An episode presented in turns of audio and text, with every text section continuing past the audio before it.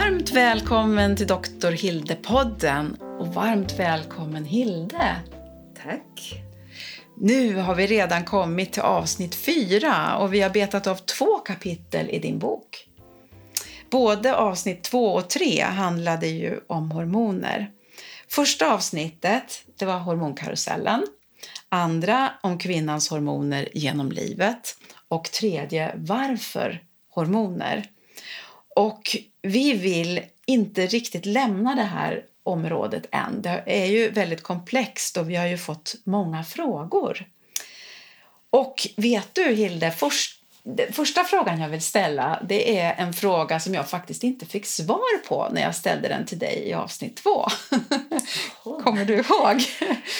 Oh, jag tror jag kommer ihåg det. Ja, och jag går rakt på pudelns kärna här. Mm. Varför behöver hjärnan östrogen? Ja, jag tänkte det var nog den där frågan. Ja. Därför det var så här att jag blev så emotionellt laddad därför jag fick en sån tanke på min kära väninna som eh, blev så påverkad av att alla hormoner, och alltså då i så fall östrogen, togs ifrån henne genom bröstcancerbehandlingen. Och då gick jag direkt in i det här, hur är det utan östrogen? Mm. Men nu ska jag prata om varför behöver hjärnan östrogen? Östrogen har ju så många viktiga funktioner i hjärnan. Mm. Det första är att den ökar blodflödet i hjärnan. Och nu måste man veta att hjärnan består faktiskt av en tredjedel av blodkärl. Det är ju...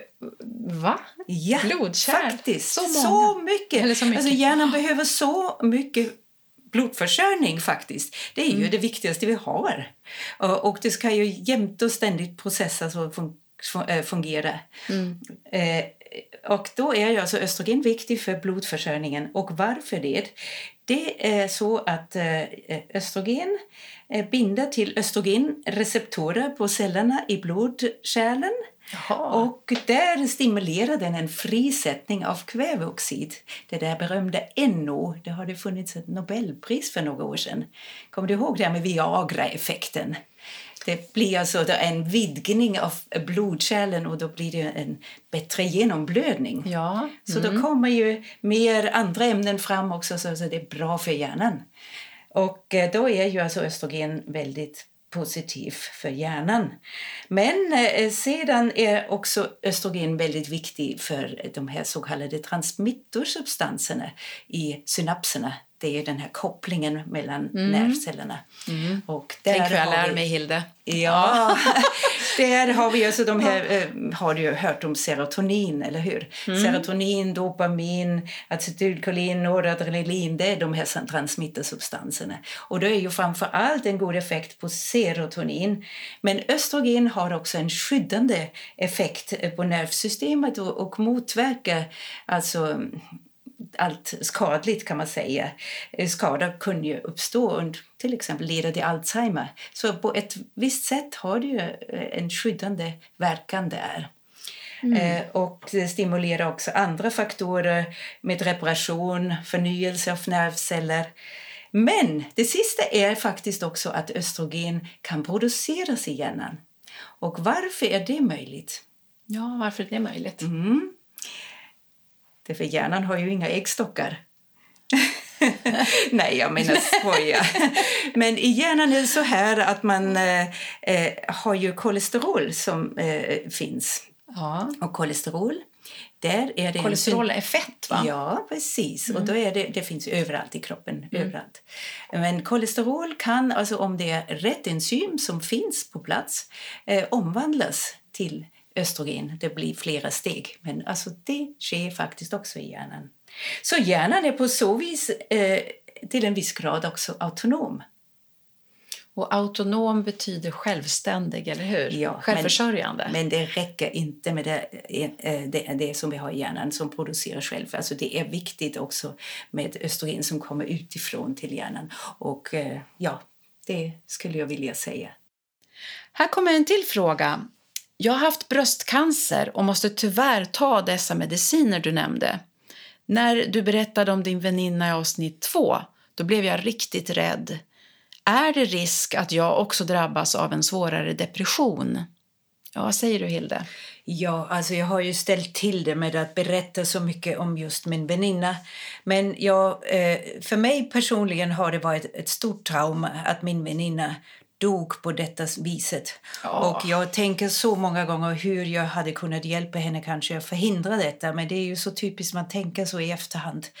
Det är en del av min bearbetning. Men jag måste ju lugna dig som har ställt frågan att det är ju inte alls vanligt precis så här. Men det är klart att östrogen har en sån här fantastisk funktion på hjärnan som jag berättade förut just med blodkärlen som vidgar sig genom blödning och det som jag sa de här lyckohormonerna som serotonin som ökar. Och, alltså, det är så mycket som påverkar att det blir eh, positiva effekter. Det finns ju studier på det här hur man behandlar även en depression med östrogen. Så att eh, där har vi ju då motsatsen då med min väninna som alltså förlorade allt sitt östrogen. Först naturligtvis när hon kom i klimakteriet men sen när hon äntligen hade fått bra behandling fick hon ju sluta med behandlingen, fick sin bröstcancer och eh, fick sin behandling med eh, strålterapi och med eh, cytostatika operation förstås innan.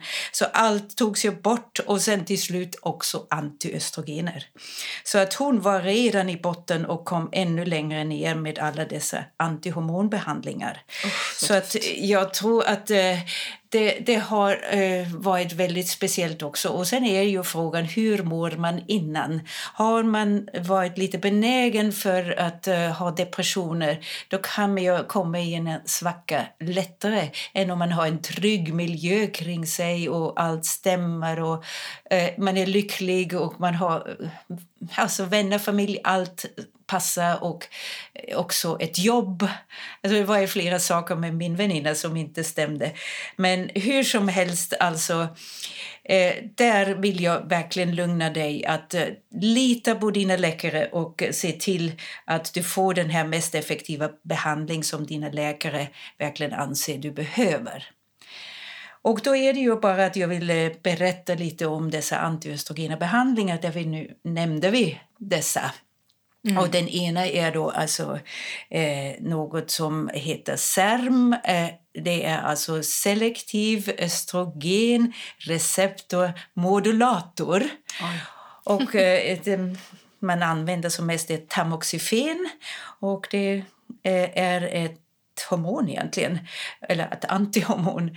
Alltså det eh, går på dessa östrogenreceptorer och blockera i bröstet och det är därför det är så effektivt mot bröstcancer. Mm. Men tyvärr är det ju så selektivt att det inte blockerar i livmodern och då kan det ställa till med eh, slemhinnetillväxt och blödningar och möjligen även cancerutveckling. Och den har eh, effekt på att det kan lättare bli blodpropp och eh, det har en god effekt i och för sig på skelettet. Så ingen negativ effekt. Mm. Eh, däremot eh, den andra sortens antiöstrogen som heter aromatashämmare som eh, Arimidex till exempel. Eh, det är något som eh, går på aromatasen. Alltså, aromatas är en enzym som eh, finns i kroppen i många celler, alltså i första hand i fettceller, i muskelceller men också i hår, skelett och hjärna. Och eh, då eh, är ju att man blockerar den här omsättningen från manliga hormoner till kvinnliga hormoner, alltså då från testosteron till östrogen. Och då finns det då alltså inget östrogen mer i musklerna och i eh, skelettet. Och ja, naturligtvis inte heller i eh, vävnaden där man ska förhindra. Alltså östrogen ska minskas så mycket som möjligt för östrogen har en stimulerande effekt på bröstcancern och det är Mm. idén med det hela. Mm. Men dessa aromatashämmare det ger man egentligen bara till postmenopausala kvinnor som eh, inte har egen östrogen i övrigt. Mm. Så då är det ju alltså egen östrogen från äggstockarna när äggstockarna har slutat sin funktion. Mm. Eh, men som jag vill säga än en gång, eh, vad man än väljer, en eh, eh, depression kan komma därför hjärnan behöver ju sitt östrogen egentligen, och hela livet. Då ska man helst inte behöva hemma. Men det har vi ju en bröstcancer som då tar östrogen för att föröka sig och det vill vi ju inte ha. Alltså det är viktigt att ändå gå mot cancern i första hand. Och sen stödjer naturligtvis så mycket det går för att förhindra sån här tragik som det var med min väninna. Det finns ju naturligtvis antidepressiva, men det fick hon ju också. Men det tålde hon inte heller. Så det var mycket som inte var bra. Mm. Men jag ville bara, jag tror att ge en eh, ganska omfattande, ett omfattande svar till den där frågan. Vad skönt att klargöra och redogöra för det. Jättefint Hilde, tack. Och eh, ja, då tar vi nästa fråga. Hur hänger det ihop med progesteron och harmoni? Behöver jag mer progesteron? Och varför kan jag få PMS-besvär när det ska vara så bra med progesteron? Det är just då jag mår som sämst psykiskt. Och det här är en 35-åring som säger det här. Vad säger du, Hilde? Det tycker jag var roligt att en 35-åring lyssnar på vår podd. ja. Verkligen. Jätteroligt, tycker jag. Alltså, Kära du som har ställt den här frågan. Du lider av PMS och eh, det är eh, någonting som är naturligtvis inte alls kul. Nej. Därför då mår du ju dåligt under en stor del av eh, månaden och det börjar ju oftast då vid ägglossning. Den kanske stabiliserar sig och värst är det ju i slutet av den här perioden från ägglossningen till mensen, eller hur? Ja, vad ska man då säga? Progesteron som är så harmoniskt. Mm. Det är riktigt. Det finns ju kvinnor som har eh, väldigt starka besvär och reagerar så att de nästan är självmordsbenägna under den här perioden. Och, ja, då man har det... hört att man är irriterad och, och, och, folk undviker den för att man har dåligt humör. Men... Ja. Så Precis, pass. men så pass är det några få procent. Men de mm. har nog en, en eh, förändring där, alltså någonting eh, som avviker eh, i den här GABA-receptorn. Mm. Mm. Men normalt kan man ju naturligtvis reagera lite med PMS-besvär. Mm. Och orsaken egentligen är just att progesteronet förändras. Det blir ju en svikt kan man säga i slutet av den här fasen när man alltså fattar att det är ingen graviditet och progesteronet måste mm. alltså sjunka för att det blir en mens igen och cykeln ska starta om igen. Och just i den fasen är också östrogenet eh, lite lägre sen. Det här låter lite ner. naivt men då kanske man blir ledsen, kroppen blir arg och ledsen över att det inte blev ett barn den här gången heller. Ja, tänk det här biologiska som vi har i oss, ja. Det är sant, ja. Mm. ja. Nej, men då, då kan man ju kanske också prata om vad progesteronet har för effekt på hjärnan. Därför eh, progesteron är ju naturligtvis, som jag säger, harmonisk, lugnande på många sätt när den är på rätt nivå. Men eh, när den går ner och upp och, och eh, det är en sån här U-kurva kan man nästan säga, då är den eh, då har den en effekt på hjärnan som jag ska förklara här nu. Progesteron kan i hjärnan omvandlas i flera steg kanske kan man säga, men i alla fall till något som heter allopregnenolon. Och det är något som ett ämne som alltså eh, har förbindelse med GABA-receptorn och påverkar GABA-receptorn. Vad är nu GABA-receptorn? Ja, och var sitter den? ja, alltså GABA-receptorn är alltså en nervsignalblockerande eh, receptor och finns vid synapserna i hela hjärnan. Okay. Det är alltså, överallt där det är synapser måste det finnas något som inhibera eller något som stimulerar. Det, det, det gör alltså, signalerna ska ju gå vidare eller hålls lite tillbaka. Mm. Och då är GABAn just den, den här lugnande substansen. Eh, och eh, beroende eh, eh på nivån av allopregnenolon är ju då alltså naturligtvis också en lugnande effekt som kan förväntas. Mm. Så där har vi detta och eh, det är så viktigt med progesteron från början också. När den kommer till hjärnan har den ju visats ha en eh, väldigt skyddande effekt för hjärnan, både för nervcellerna och för den här stödvävnaden som eh, finns vid nervcellerna som heter gliaceller.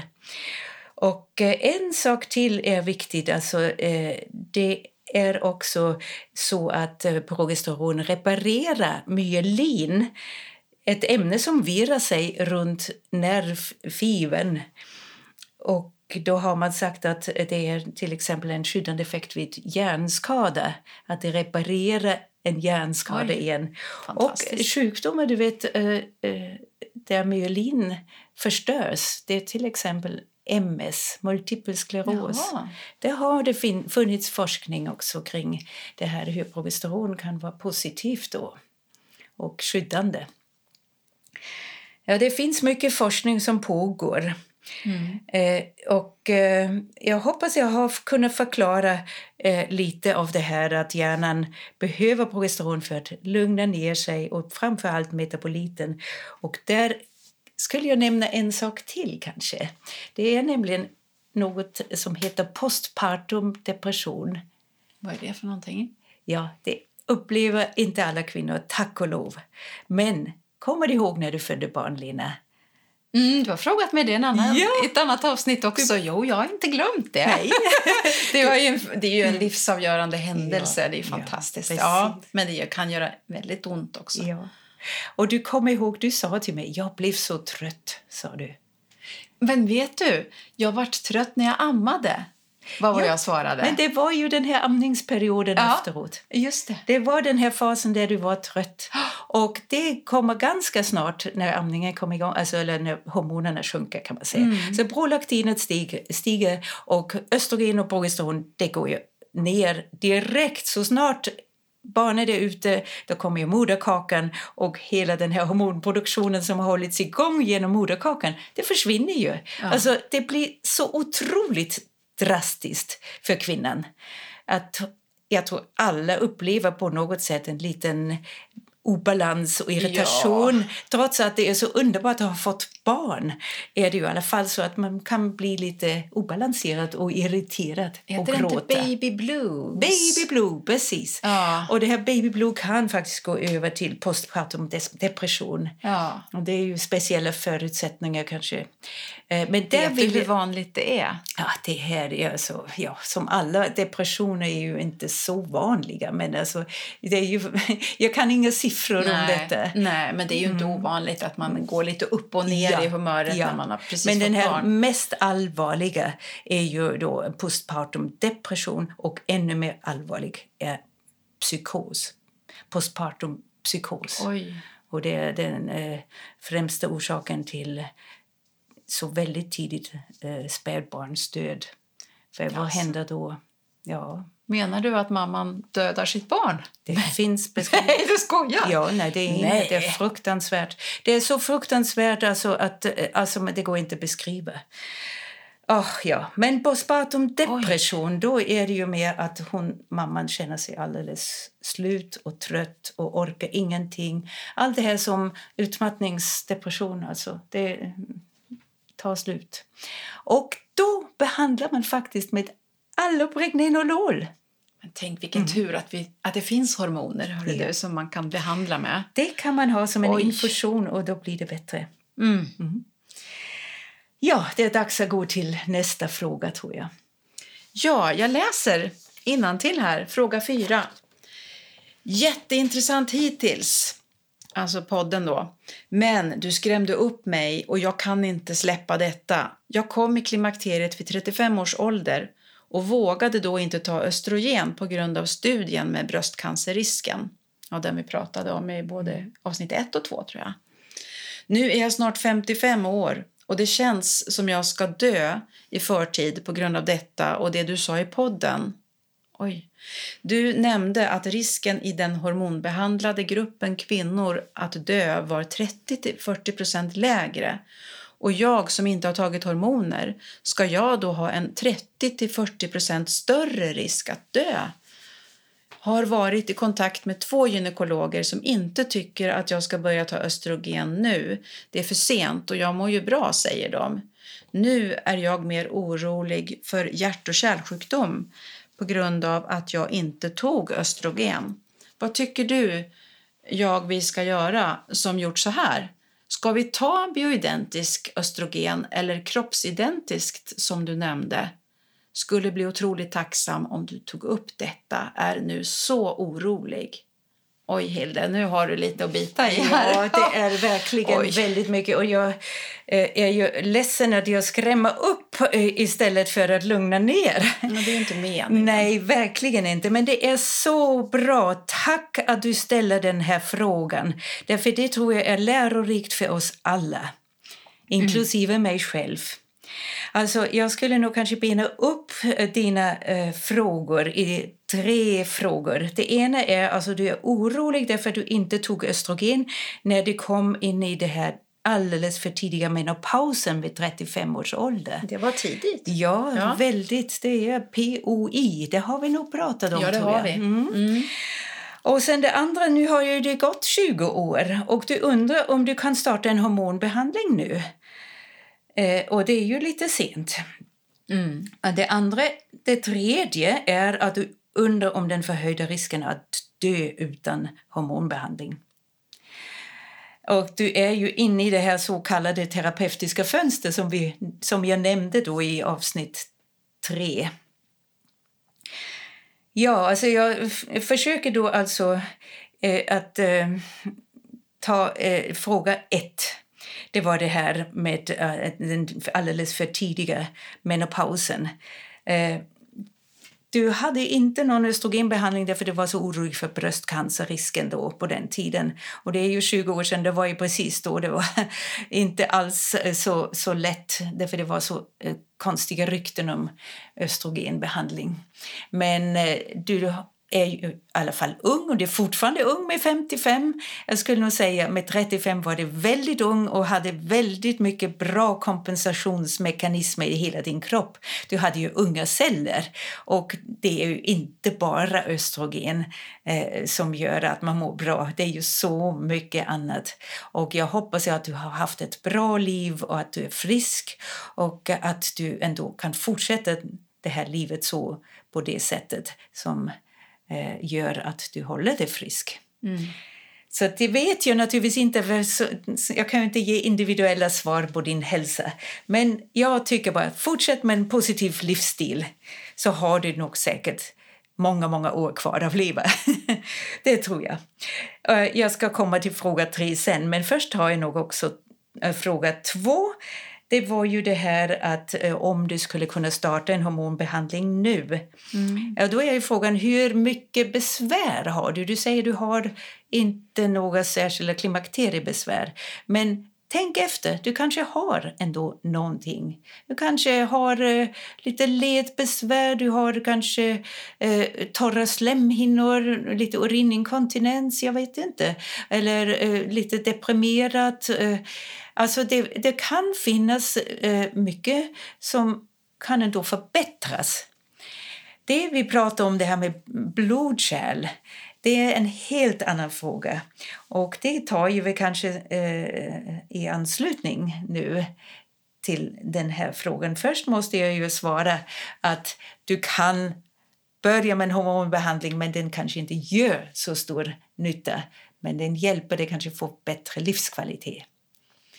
Men om man nu tänker på den här tredje frågan du hade för den här förhöjda risken när du nu inte haft någon hormonbehandling tills nu Ja, det var ju så att eh, man måste tänka så att det finns en stor studie som jag pratade om. Den här studien den eh, gjordes som en megastudie, alltså många studier ihop egentligen. Vad var bara en jämför, Salpeter-studien. Ja, den, den, den eh, jämförde helt enkelt olika eh, Eh, sätt att se. Den ena var med hormonbehandling eller utan hormonbehandling och då jämfördes det här.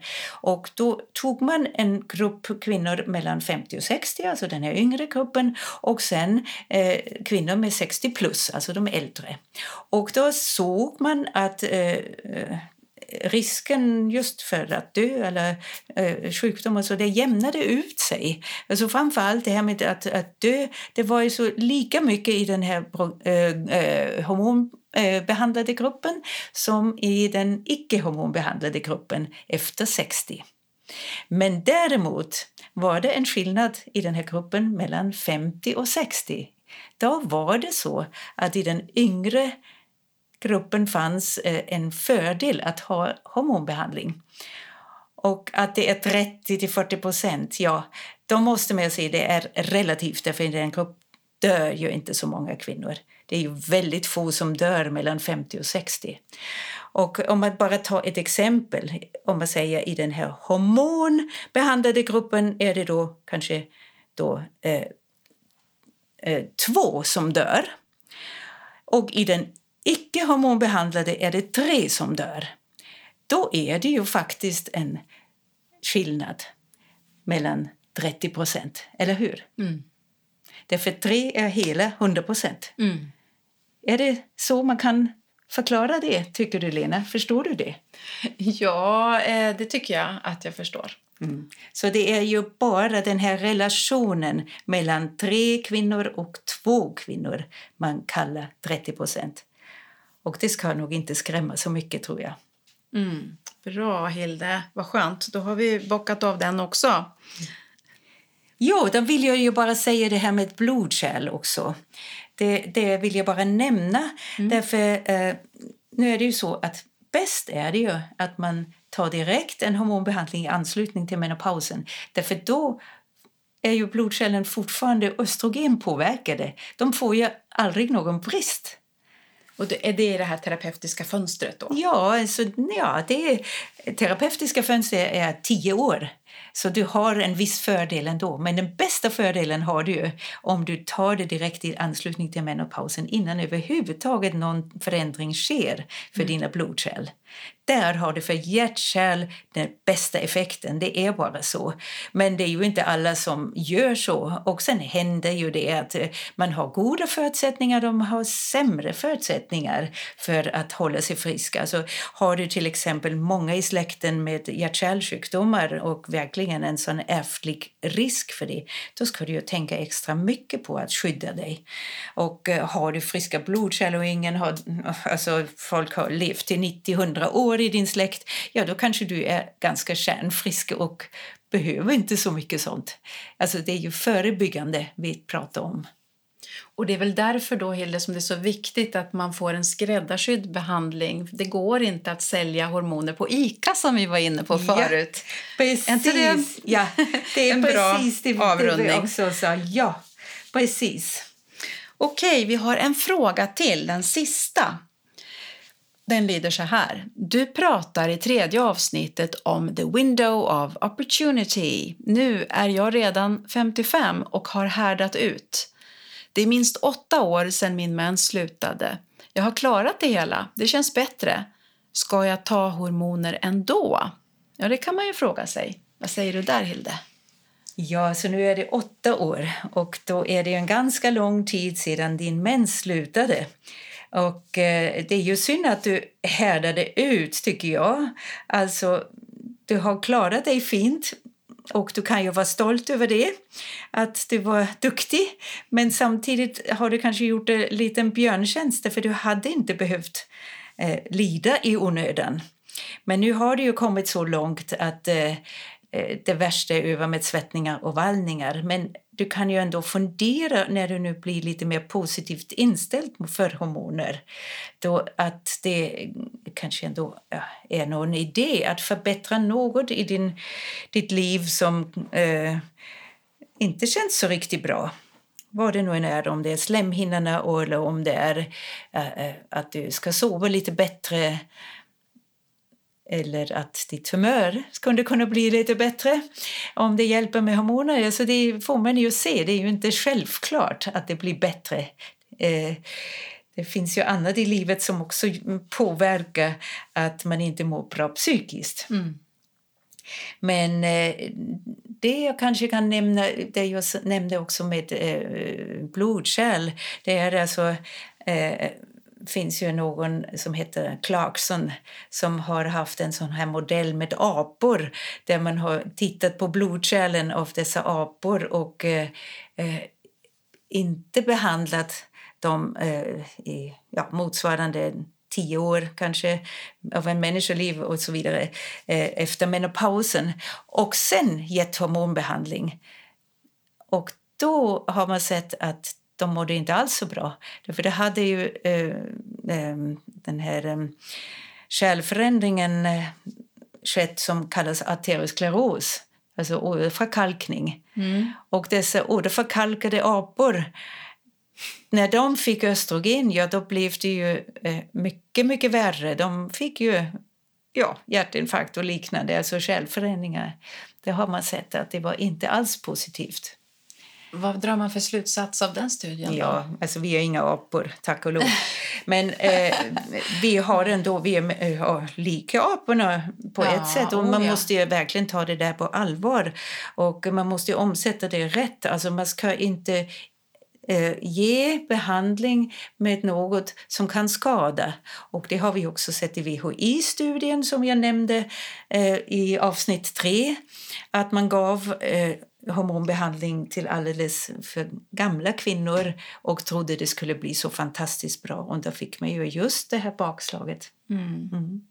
Så det finns mycket vetenskap på det här området med hormoner. Ja. Det är inte något hokus pokus, eller hur? Nej. Utan Nej. det är väl beprövat. Precis. Och vi kan komma att prata mer om det här window of opportunity eh, senare fram. Det ska Men... bli så spännande tycker jag, för det ja. är verkligen en stor mm. möjlighet. Ja, det tror jag också. Jag. Det är det. Och vi vill ju leva länge och hålla oss friska.